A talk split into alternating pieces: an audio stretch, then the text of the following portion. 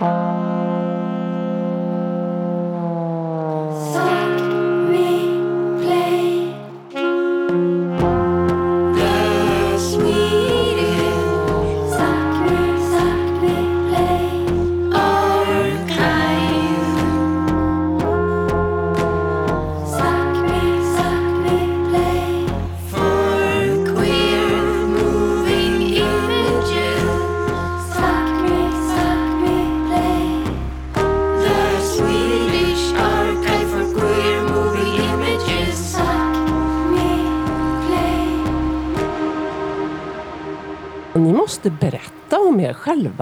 Eran kom ut-historia. Va? sa de. Ja, kom igen, gör det. Annars får vi inga intervjuer. Liksom. Vi får ingenting.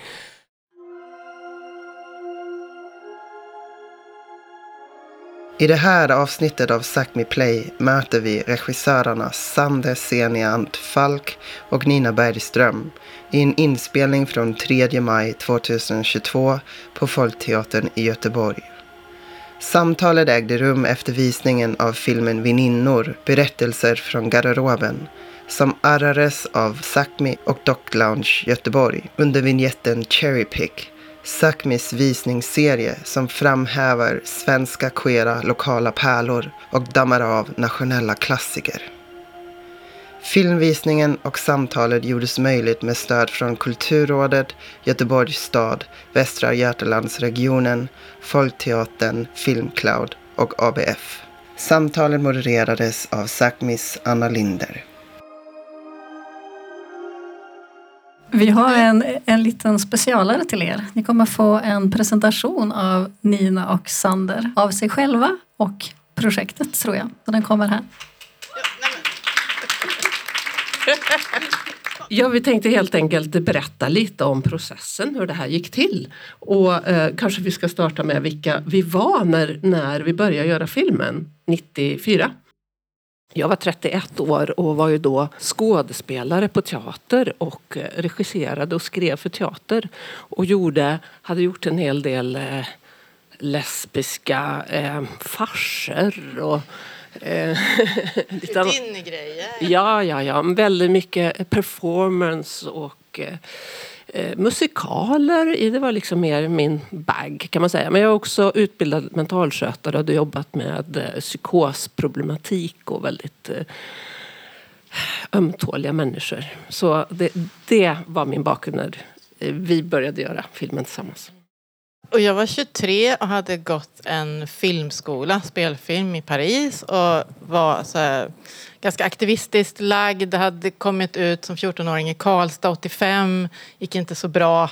Ganska jobbigt. Eh, och sen så startade jag en RFSL ungdomsavdelning med mina bland annat straighta kompisar där i Karlstad. Eh, så, jag tänkte, så det blev bättre. Kan jag säga. Så, ja, nej men det var liksom där jag var. Och sen så träffades vi på eh, kvinnohuset. Städdag. Ja, jag skulle dit och vara då konstmodell och skulle alltså vara krokimodell. Eh, men det var inställt för det var städdag. Eh, och, eh, så jag fick städa istället. Och, och träff och så ja, dök du upp där någonstans och så blev vi ett par i alla fall. Så, så började det här. Eller först så var det så att jag faktiskt... Hur långt ska vi gå egentligen? jag ännu roligare idag, men jag sparar på den. Uh, nej. ja, och nu... nu har det gått 26 år då. Sen det här, eller 28 sen den starten så att säga. Eh, jag blev ju utbränd efter det här i två år. Jag fortsatte ju att göra teater samtidigt eh, och flyttade sen till Norge, lite långt bort. Jag blev också utbränd som 33-åring, men det ja, var ju senare. Ja. Men jag har jobbat, eh, fortsatt att jobba med film, eh, men också med mycket med animationsfilm och jobbat 15 år med att göra tv-serier och långfilm för familjer eh, familjer kan man säga. Och så, jag, jag, kände att jag behövde lära mig att göra film efter eh, jag inte kunde göra film eh, när vi gjorde Väninnor men har alltid hållit på med berättande. Då. Så, eh, och så har jag gjort eh, några egna filmer och nu skriver jag det på ett eh, lång eh, tv-serie manus, fiction, som är utveckling. Världsrevolution är temat. Härligt. Ja ja, med kommentär, utbildning och eh, eh, Konstfack och gjorde en annan film som heter Du ska nog se att det går över och en som heter Your mind is bigger than all the supermarkets in the world. Eh, så jag har liksom fortsatt med egna projekt, dokumentär mest, men också konst och lite experimentell film.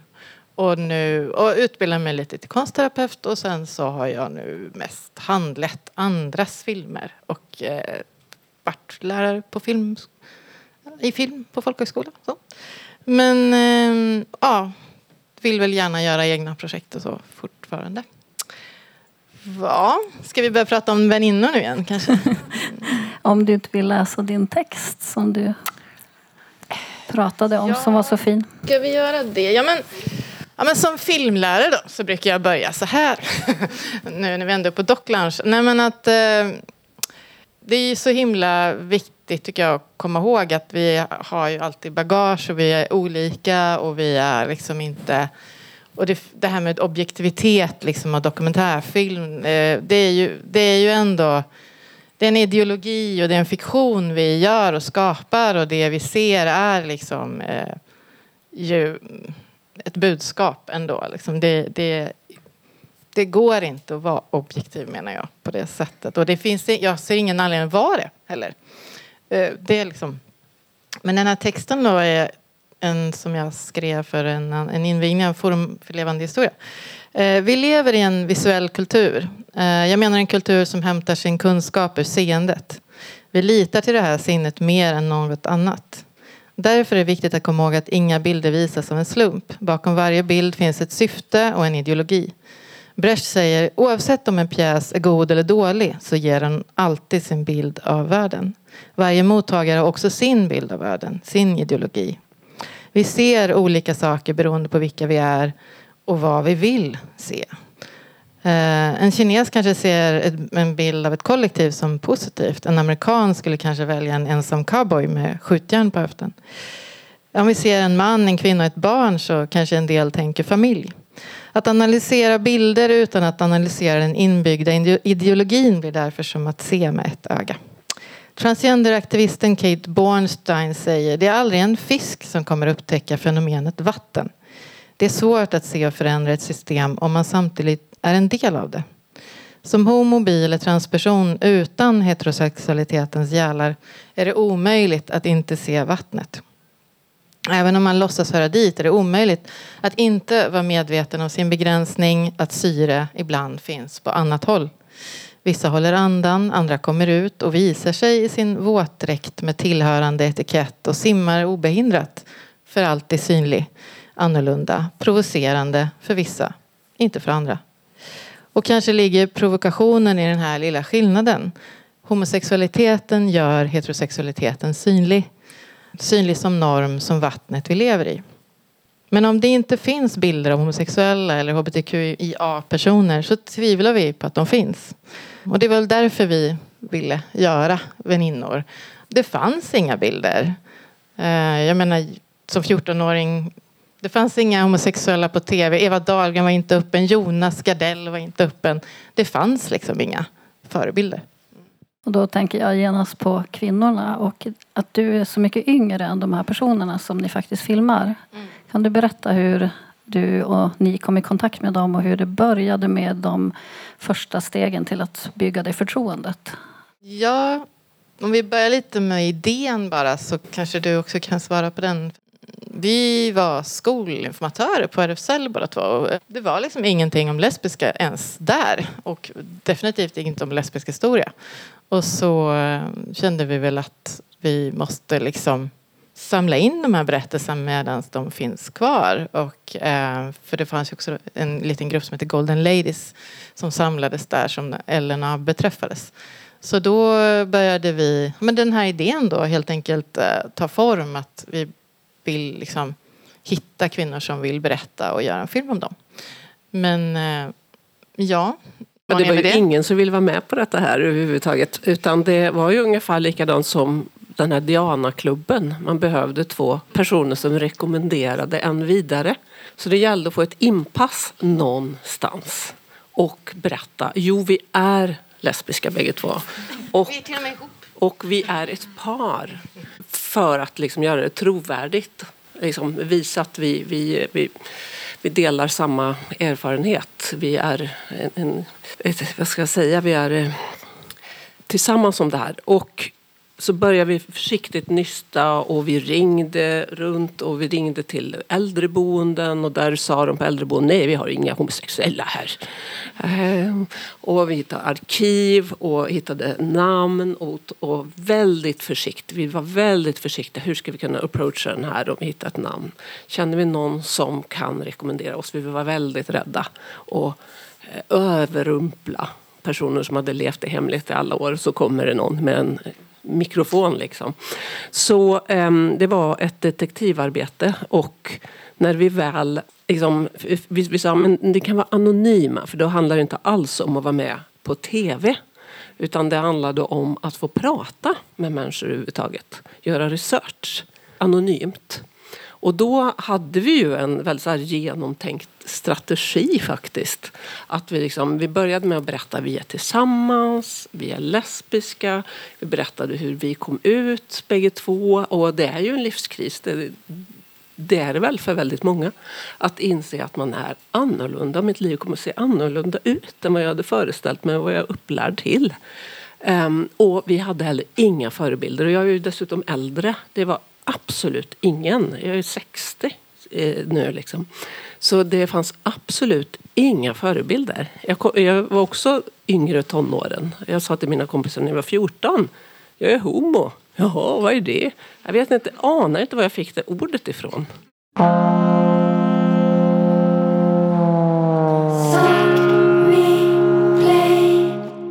Så Jag läste sån där rapport, liksom, 50-tals psykiatriska liksom, på biblioteket. Jag liksom slog upp det och gick och kollade liksom, på medicinska avdelningar på biblioteket. Det var hopplöst. Va? Vi trodde det var så lätt nu. Som. Vi ser ju på tv. Och det här var ju liksom början på 90-talet. Vi ser ju det här på tv. Det finns ju överallt. Nej! Det finns inte överallt. Och det fanns definitivt inte när vi kom underfund med. Eller när vi, när vi eh, kände att vi, vi eh, var lesbiska. Då. Så att det var det ena. Och berätta om oss själva. Och sen var det att hela teamet var lesbiskt. Vi var tvungna. Alla var lesbiska. Som de någonsin mötte. Gunilla Bordett. Woho! Oh, ställ dig upp. Ljug! Eh, Gunilla. Gunilla var ljudtekniker. vår ljudkonsulent som har ordnat det eh, superbra eh, ljudet som faktiskt på intervjuerna här. Väldigt, väldigt fint. Och fotograferna lesbiska. Och vi fick de här, det var väldigt professionella fotografer, det var ju väldigt bra för oss tror jag. Eh, men de fick vi också, ni måste berätta om er själva. Eran kom ut-historia. Va? sa de. Ja, kom igen, gör det. Annars får vi inga intervjuer. Liksom. Vi får ingenting. Så ehm, det gjorde vi. Och Ska vi komma till övertalningskampanjen där? Ja, nej men alltså det, det, det här höll vi på med då i sex månader eh, och träffade kanske 25-30 kvinnor och gjorde så här researchintervjuer.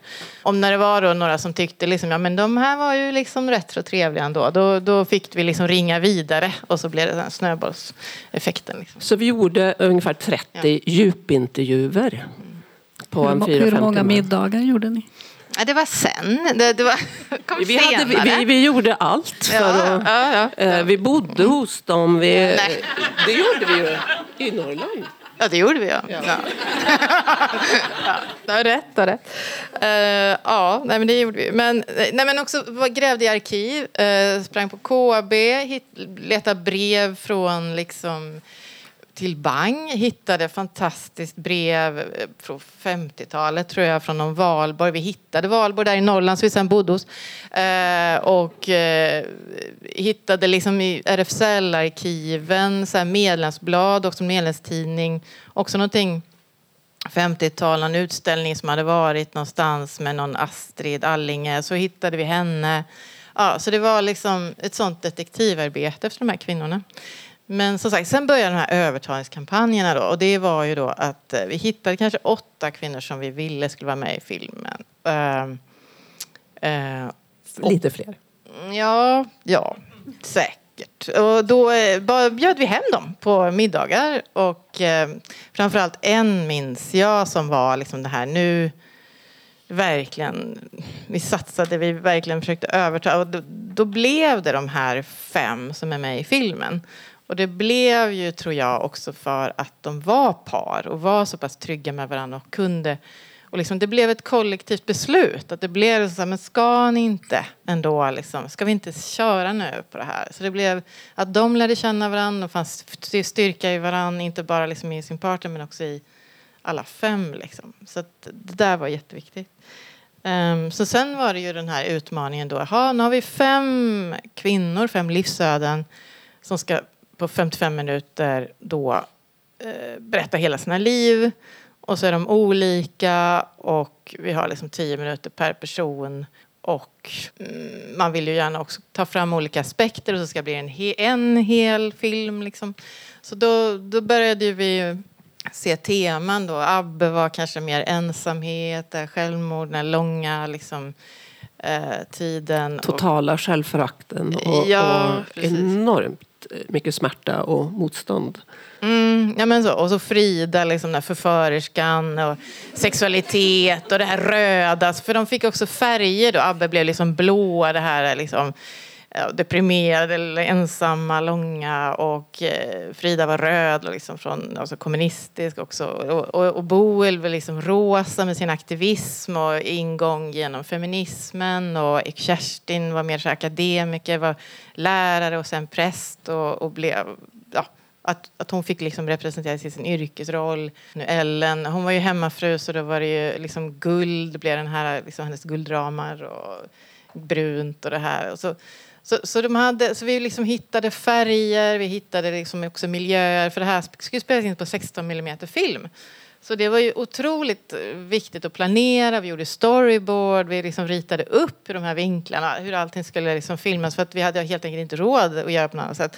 Det fanns bara pengar till 10 timmar film. Och, eh, jag menar, senare har jag kanske gjort film med 100 timmar. Så det, det är liksom ganska stor skillnad. Och också att varenda tagning är planerad och att hitta då en eller två miljöer för varje kvinna som också skulle rymma de här aspekterna av deras liv och som skulle hitta liksom någon dramaturgi som skulle vara från mörker till ljus att det skulle finnas möjlighet till något skift liksom i, jag menar som Frida då, där finns det en byggarbetsplats och sen finns det liksom Niki Sanfall skulpturer och att det liksom finns, men att hon är på samma plats ändå.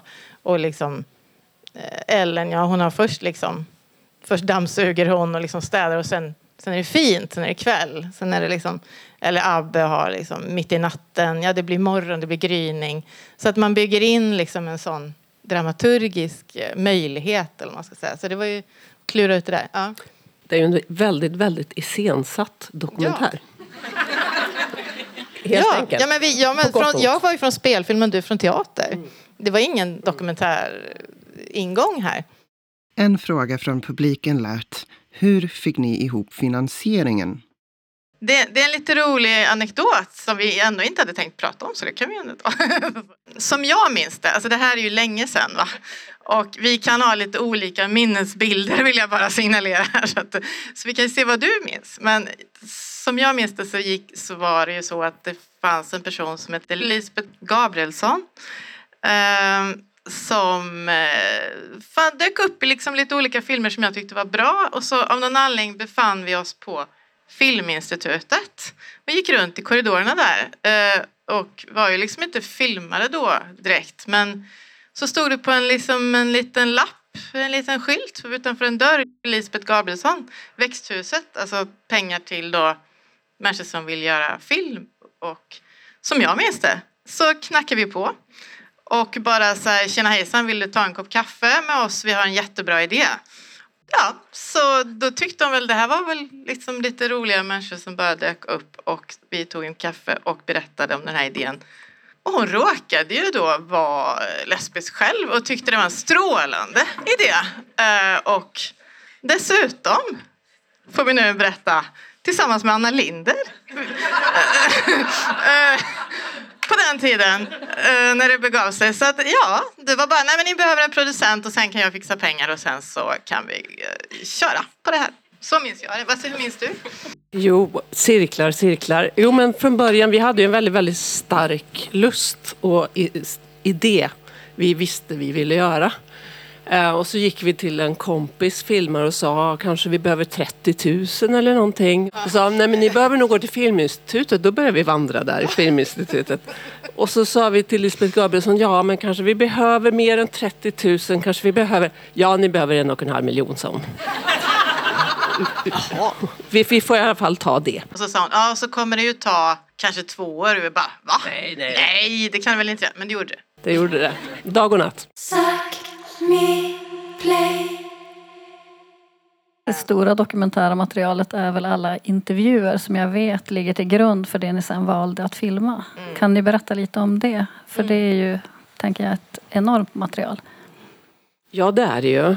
Och vad som kändes som eh, att vi kände en, vad ska man säga, en förpliktelse mot de kvinnorna vi hade. Att på något vis förmedla deras liv på något slags sant vis. Men också historien som fanns i eh, de här eh, alltså intervjuerna. Då.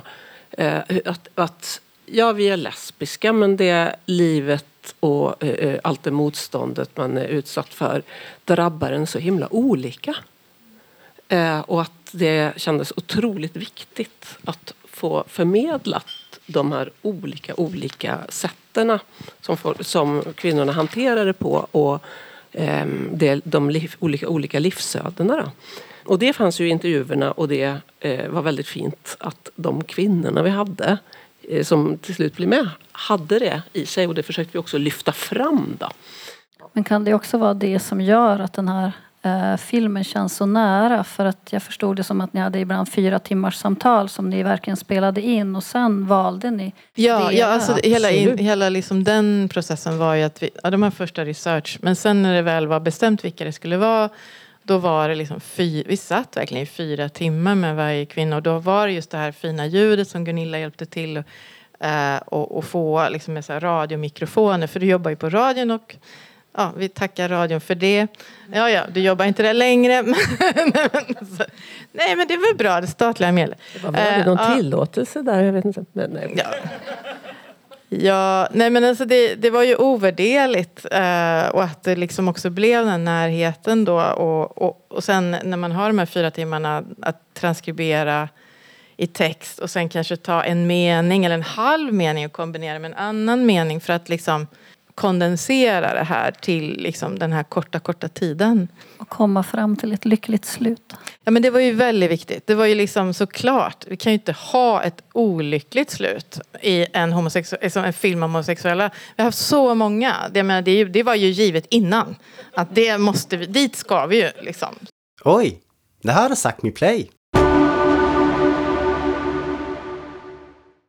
Vi var tvungna att ha människor som vi kunde bygga upp ett lyckligt slut Ja. med. Både för som du säger. Eller att vi tvinga har- fram det. tvinga. ja, hur ser man på det här med Ja dokumentärfilm men, nej, men precis. Nej, Men- nej, nej, nej, det är en ideologi vi pratar om. Ja, ideologi. Nej, men det är också någonting med att eh, samtidigt som de berättar om hela sin historia, personliga historia och sin resa och som vi kanske delar många av oss med att den första kärleken och sen gå tillbaka och, och reflektera och hur att hantera livet och eh, vem ska man vara egentligen och samtidigt så är det ju ett beskrivelse av hur samhället har utvecklats. Och det är ju kanske en av de områdena som har varit den bästa utvecklingen på i västerlandet. Alltså, Going backward. vad som har hänt eh, i, eh, de sista, alltså fram till då. då. Eller ja, men också, eh, alltså det var straffarbete, det var sjukdomsstämplat, det fanns inga och vi har faktiskt nått någon annanstans. Om vi står för klimathot och eh, krig och terror och alltihopa så har vad det gäller hbtqi faktiskt kommit väldigt mycket längre på de här 40 åren. Och det ville vi också visa. Att vi tillsammans kunde dela det. Då. Så att vi har, det, det har varit lönt att stå fram och alla som har offrat sig. Ja. Jag tänker att det känns som en sån stor present till de som har medverkat när man följer dem och så får man det här slutet. Att det känns som en fantastisk present. Både alltså till dem och till eftervärlden och till oss eh, att den här filmen finns. Men det är så fin kärlek i filmen och att det är den resan. Men det kändes så viktigt att det blev just det här, liksom det här kärleksfulla och nästan övervarma. Liksom, eh, för att eh, på något sätt kompensera så mycket andra filmer där folk tar livet av sig och hänger sig och liksom blir bilkrascher eller vad det nu kan vara. Eller allting återgår till ordningen. Och liksom, det finns ju en sån otrolig... Alla filmer som var liksom innan och även fortfarande är ju någon slags återgång till den heterosexuella ordningen. Liksom en liten utflykt i de här queera kvarteren och sen så tar vi oss liksom tillbaka eh, genom att antingen ta död på eh, Flatan kanske är liksom mördaren eller ja, men, ja, men den här obehagliga figuren eller vad det nu är. Liksom. Eh, och den bisexuella, den liksom, hittar en snubbe liksom, så blir det bra. Men, jo, men det jag ska säga också om det här med, med väninnor också. Att vi började klippa med en klippare som faktiskt gjorde en version som inte var så kul. Uh, och som var ganska, de var ganska kalla, hårda, bittra i den versionen. Också delvis för att den dåvarande producenten stängde oss utanför klipprummet för att vi ställde till det eller tog det så mycket tid eller någonting. Så det här blev liksom ganska jobbigt. Men som tur var så löste det sig. Vi behöver inte gå in på detaljer men vi kom in i klipprummet igen, fick en ny klippare, gjorde om allting och hon kom då och liksom förde ihop de här kärlekshistorierna så att det blev det här sammanvävda mot slutet. Liksom, som faktiskt Men inte det var så blev bra. ju ändå inte bra. Vi gjorde, vi gjorde ju faktiskt klippen själva. Ja, till slut satt vi ju själva. Eh, fick låna ett rum på Filminstitutet och sov på de här sofforna. Om någon har varit på Filminstitutet eh, i, i Stockholm, eh, där uppe, så är det väldigt hårda möbler i foajén. Och där sov vi eh, på nätterna och när städarna kom klockan sex så var det bara liksom upp och in i klipprummet igen. Liksom. Ja, så så, och, för vi hade absolut inga pengar eh, att göra filmen klar. Men det här var alltså flera led av omklippningar då innan ni var nöjda? Ja. Ja, ja det är fantastiskt att ni Så- gjorde det, tålamodet också. Att ni verkligen stred för det. Det så viktig bild som skildras. Ja, men det jag. skulle ju vara en varm film. Det skulle liksom inte... ja men absolut, men det är Men- inte så många vi har sett som är sådana. Och det här är ändå 26 år sedan. Så när man ser den igen, hur kändes det att se den nu igen förresten med publiken? Jag grät.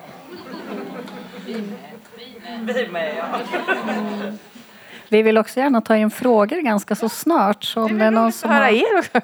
Jag har ju en fråga på tal om det här ni pratar om eh, att den eh, är ny och så, eh, digitaliserad. Finns den nu? Kan vi tipsa om den? Alltså den ligger lite i pipeline att kanske då få vara med i cineasterna.com satsning. Eh, Min film som jag gjorde senare, Du ska se att det går över, finns där nu. Och nu Den så är ju också vet... ny digitaliserad. Ja, den är helt ny digitaliserad och kom dit ja, 8 mars. Eh, och nu försöker jag få eh, de här då, så, det var Region Värmland faktiskt, så den ligger på värmländsk film den här, du ska nog säga att det går över i alla fall. Men jag tror inte att väninnor, ja men det, kan, det måste du göra. Vi är ju från bara- Karlstad bägge två. Ja. Alltså, så det här är, ja. När ni pratar om cineasterna, säg då att man har tillgång till dem genom biblioteket. ja, det är genom lånekort. Och skulle det vara någon norsk här så är ju, bor ju jag i Norge och den går upp på, på biograf i Norge. Och, ehm, och kommer på video on demand på... Vi har ju inte riktigt hunnit prata ihop. Jag, jag, hör, jag hör ju lite nyheter här, men det var ju spännande. Ja. Det är bra att det går fort. Ja, det är bra. Det är bra. Ja, nej, men det var ju lite nytt att vi skulle ens vara här. Så att, eh, det gick Det var ett snabbt, snabbt beslut. Men vi har också idag från Sápmi släppt en podd med Sander C. Neantfalk här som berättar om de här andra filmerna. Och där kan man hitta länkar om ni vill gå in och hitta till cineasterna och se trailrar och läsa. Och där är det också väldigt mycket pressklipp från väninnor och det var en fråga för att så många som skrev och så många som såg den här på bio och sen senare i tv måste ju också gjort ett stort eh, genomslag och en sån underbar känsla för de här kvinnorna också. Hur var det att göra den resan med dem? Det var ju helt fantastiskt. De blev ju lite grann filmstjärnor.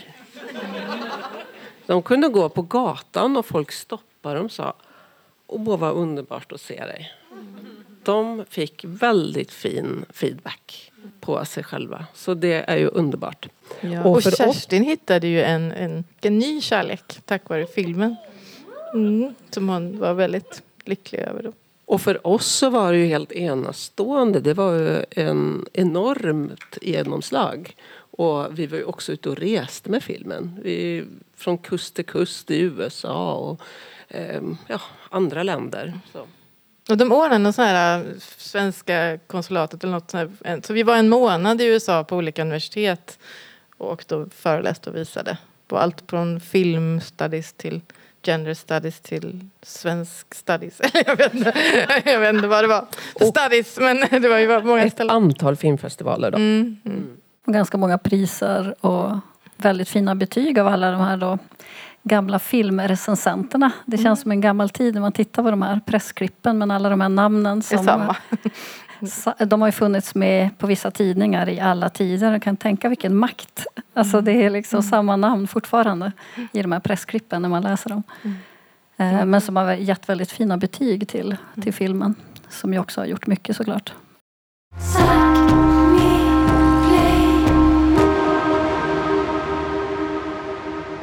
Har vi några mer frågor i publiken? Där. Erika. Eh, tack! Det var underbart att se om den. Jag kommer ihåg att jag såg den när den var ny. Den har ju åldrats väldigt eh, värdigt måste jag säga. Det var fantastiskt. Jag är nyfiken på om ni skulle få möjlighet att göra en ny film, en dokumentär i samma genre. Vad, skulle, vad tycker ni är viktigt att berätta nu? Det kan vi inte avslöja. Alltså det första, jag, det första jag tänker det är kanske att ha barn då. Det är ju eh, som en helt ny generation nu av familjer. Liksom familjekonstellationer. Hur att leva tillsammans. Nu är det möjligt det livet. Jag har inte biologiska barn. Det var insemination i min fertila tid. Det var inte riktigt... Jag liksom miss... Hallå, liksom. Så eh, plötsligt har någonting hänt som har påverkat otroligt mycket. Who knows? Och du vill inte avslöja något? Du sitter och trycker på något?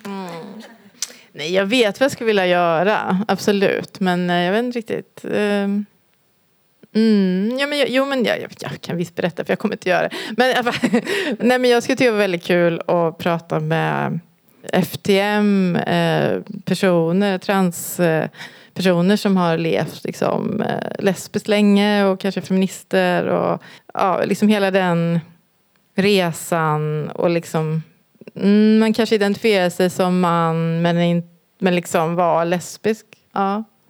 Och jag hör inte riktigt dit. Men jag liksom, eh, ja, jag, man ska, kan väl säga att jag är icke-binär fast jag gillar inte ordet. men, men jag är så här gammal, eh, gammaldags. Men eh, så eh, jag vet inte riktigt. Jag har inget bra ord på vad, vad man ska vara. Sådär. Men, eh, men jag har ju bytt namn som ni har kanske märkt eftersom det stod Cecilia där då på filmen. Mm. Hanna?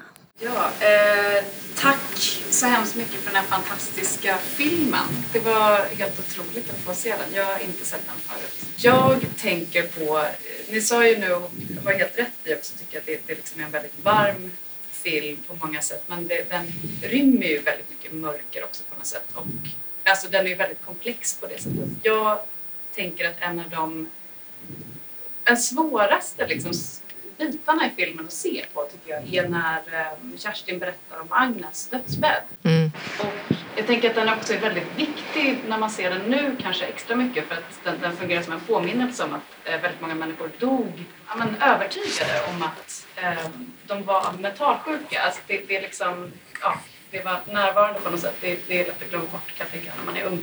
Och det här tänker jag också illustrera lite gränsen för det som Frida är inne på i filmen om möjligheten för som lesbisk kanske att, att åtnjuta ett visst skydd av att man kan betraktas som väninnor till exempel, inte som kärlekspar. Och det Frågan som här försvann lät så här.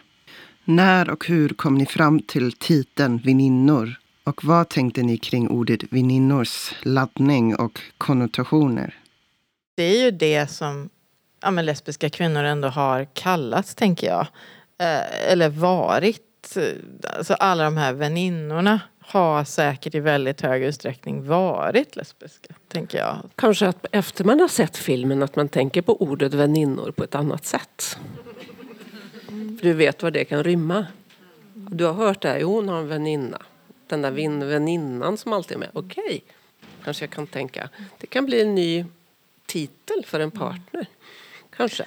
tror liksom min pappa till och med sagt men du och din väninna. Alltså, ja, det är liksom en skum eh, Oskuldsfull. ord. Ja, på, på, på, på liksom när man vill gå runt liksom. Det är spännande att mannen här då tar den väninnan till sin älskarinna. Jag jobbar mycket på äldreboenden och där kommer till homosexuella eh, som är äldre så har det varit mycket som har benämnts som väninna eller god vän. Det är ju lite som ett annat ord för homosexuell på något vis. Och så tack för de goda orden. Jag skulle så himla gärna vilja att, att göra någon slags turné på äldreboenden just med väninnor. Och ha liksom samtal. För att jag tänker att till och med människor som har varit lite öppna i sitt liv har ju liksom, hoppar ju in i garderoben igen när de flyttar till ett äldreboende. Och jag tänker också på min mormor som liksom var 96 när hon dog. Och eh, liksom ni, jag tror hon första gången förstod. Jag sa att jag hade varit i Stockholm på någon demonstration och hon hade hört om något. Men du är väl inte, du är väl inte sån där? Liksom hon var helt, eh, och då var jag 17 bara nej, nej, nej, gud, nej, nej, nej, nej. Eh, jag kände bara, hon, hon klarade liksom inte det. Och, men, men sen har ju vi liksom såklart, och sen har hon ju sagt, ja men titta här nu i Svensk Damtidning, nu, nu är Eva och Eva och nu är det Jonas och Jonas. Liksom, ja, men nu, ja kolla. Ja, ja. Så, så, så att liksom hennes resa med att komma ut liksom under de här, den här tiden då från, från jag var 17 till ja, när hon eh, dog för inte så jättelänge sedan. Så eh, jag vet inte, men då bodde hon ju på ett äldreboende och tänkte, tänkte jag liksom hela tiden på det här. Hur skulle det vara liksom eh, att komma hit och visa väninnor och för det var någon Torborg eller någonting som som bara kände men hon är ju lesbisk här liksom. Jag vet inte, jag heter jättekonstigt. Ja. Har vi några mer avslutande frågor? Har ni haft kontakt med de här damerna efteråt? Inte jättemycket, ärligt talat. Lite så. Ja. På något vis så var vi bara två personer i det här projektet, i den här filmen. Och vi blev ju väldigt utmattade. Det är väl en sak som känns väldigt sorgligt då. Att man inte orkade det. Jag orkade inte det. Eh, Jag var utbränd i flera år. Jag, vi, vi klarade kanske inte den biten så gärna som man hade önskat. Men ni tänkte kontakten. inte ens liksom riktigt på det här att följa upp eller liksom att men sen så träffade jag ju fler, alltså Boel vet jag att jag träffade liksom i olika sammanhang och vi pratade och, och Kerstin också. Jag tror inte att det var liksom Nej då, det tror inte jag heller. Uppfattade inte jag heller. Var väldigt kärt när vi sågs. Men vi hade liksom en vision eftersom vi blev inviterade till så otroligt mycket filmfestivaler. Och fick också stöd för oss själva att åka. Så eh, såg vi för oss hur vi kunde ta med alla kvinnorna. Och det fick vi aldrig till. Nej, nej något sånt blev det ju inte. Nej, och det var väldigt tråkigt. För vi såg liksom, åh vi skulle åka. Liksom, eh, ja, eh, Jag tror Erika hade en fråga. Nej, men, nej, inte fråga, men mer som att jag minns ju att jag hälsade på Frida på gayklubb i Stockholm efter filmen och då var hon ganska gammal och sjuk. Jag tänker så här, de var ju inte, de var ju i åren. Ja. Men det var ju en Det som fin... känns otroligt viktigt i alla fall det var ju att de var otroligt glada och stolta för filmen. Det var de ju. Ja, för så- det är ju minnet från premiären, tänker jag, i Stockholm. Och middagen, som jag minns det, var på Bitch Club eller något. var väldigt... De var ju stars. Nej, och det, om man ska säga något lite avslutande, det var också att det var så viktigt för oss båda att, att nå brett. Att verkligen nå ut med liksom att också eh, heterosexuella skulle kunna liksom identifiera sig med det här att, att våga. Att liksom ha mod att gå mot konventioner. Att liksom, ja, kraften att stå upp för sig själv. Att det, liksom, det är det det handlar om också. Och att hitta den här identifikationen. Så att, men också så att klart så att filmen skulle få mer eh, kraft. Eh, liksom att nå längre. Absolut. Absolut, och att de skulle vara inspiratörer till andra. Att ja, men kan de klara att eh, hitta kärlek till sig själva, vara stolta över sig själva, acceptera sig själva när de har haft, mött denna fördömelse och motstånd. Och komma igenom det. Vad, kan inte det vara ett inspiration till andra då? För alla kämpar vi med det. Samma sak, det är ju något existentiellt. Så um, vi ville nå fram till en medelålders heterosexuell man med stresskoffert, eller vad heter det, en portfölj. För alla känner vi på det där. Liksom. Så att inte man begränsar storheten de har med sig. Sen vet jag ju att det här materialet finns på dattband också i källaren eller vars det nu är. Hos Sanders och de, det materialet går ju att fortsätta arbeta med och fortsätta hylla de här personerna. Ja, det är ju Anna sån dröm att göra en film, eller inte, inte en film men att göra liksom en bok med, alla, med liksom de här fyra timmarna då, berättelse per kvinna. Ja, det är ju en väldigt bra idé. Det är nog en kombo av en idé från Sander. Ja, kan ha några praktikanter kanske som vill. Det är bara att anmäla sig. Jag skojar bara. Sorry. Det finns så mycket man vill göra ju. Kanske ett långdraget. Exakt, men jag- Men vi kan åtminstone ni- sp- spara det för eh, någon som kommer att orka titta på det. Och Och lyssna skicka klart. dem till Sápmi så kanske ni har lite praktikanter där. Nej, forskare kanske. Ska vi avrunda här? Känns det bra? Är ni nöjda, glada? Ska vi... Jättetrevligt att vara här.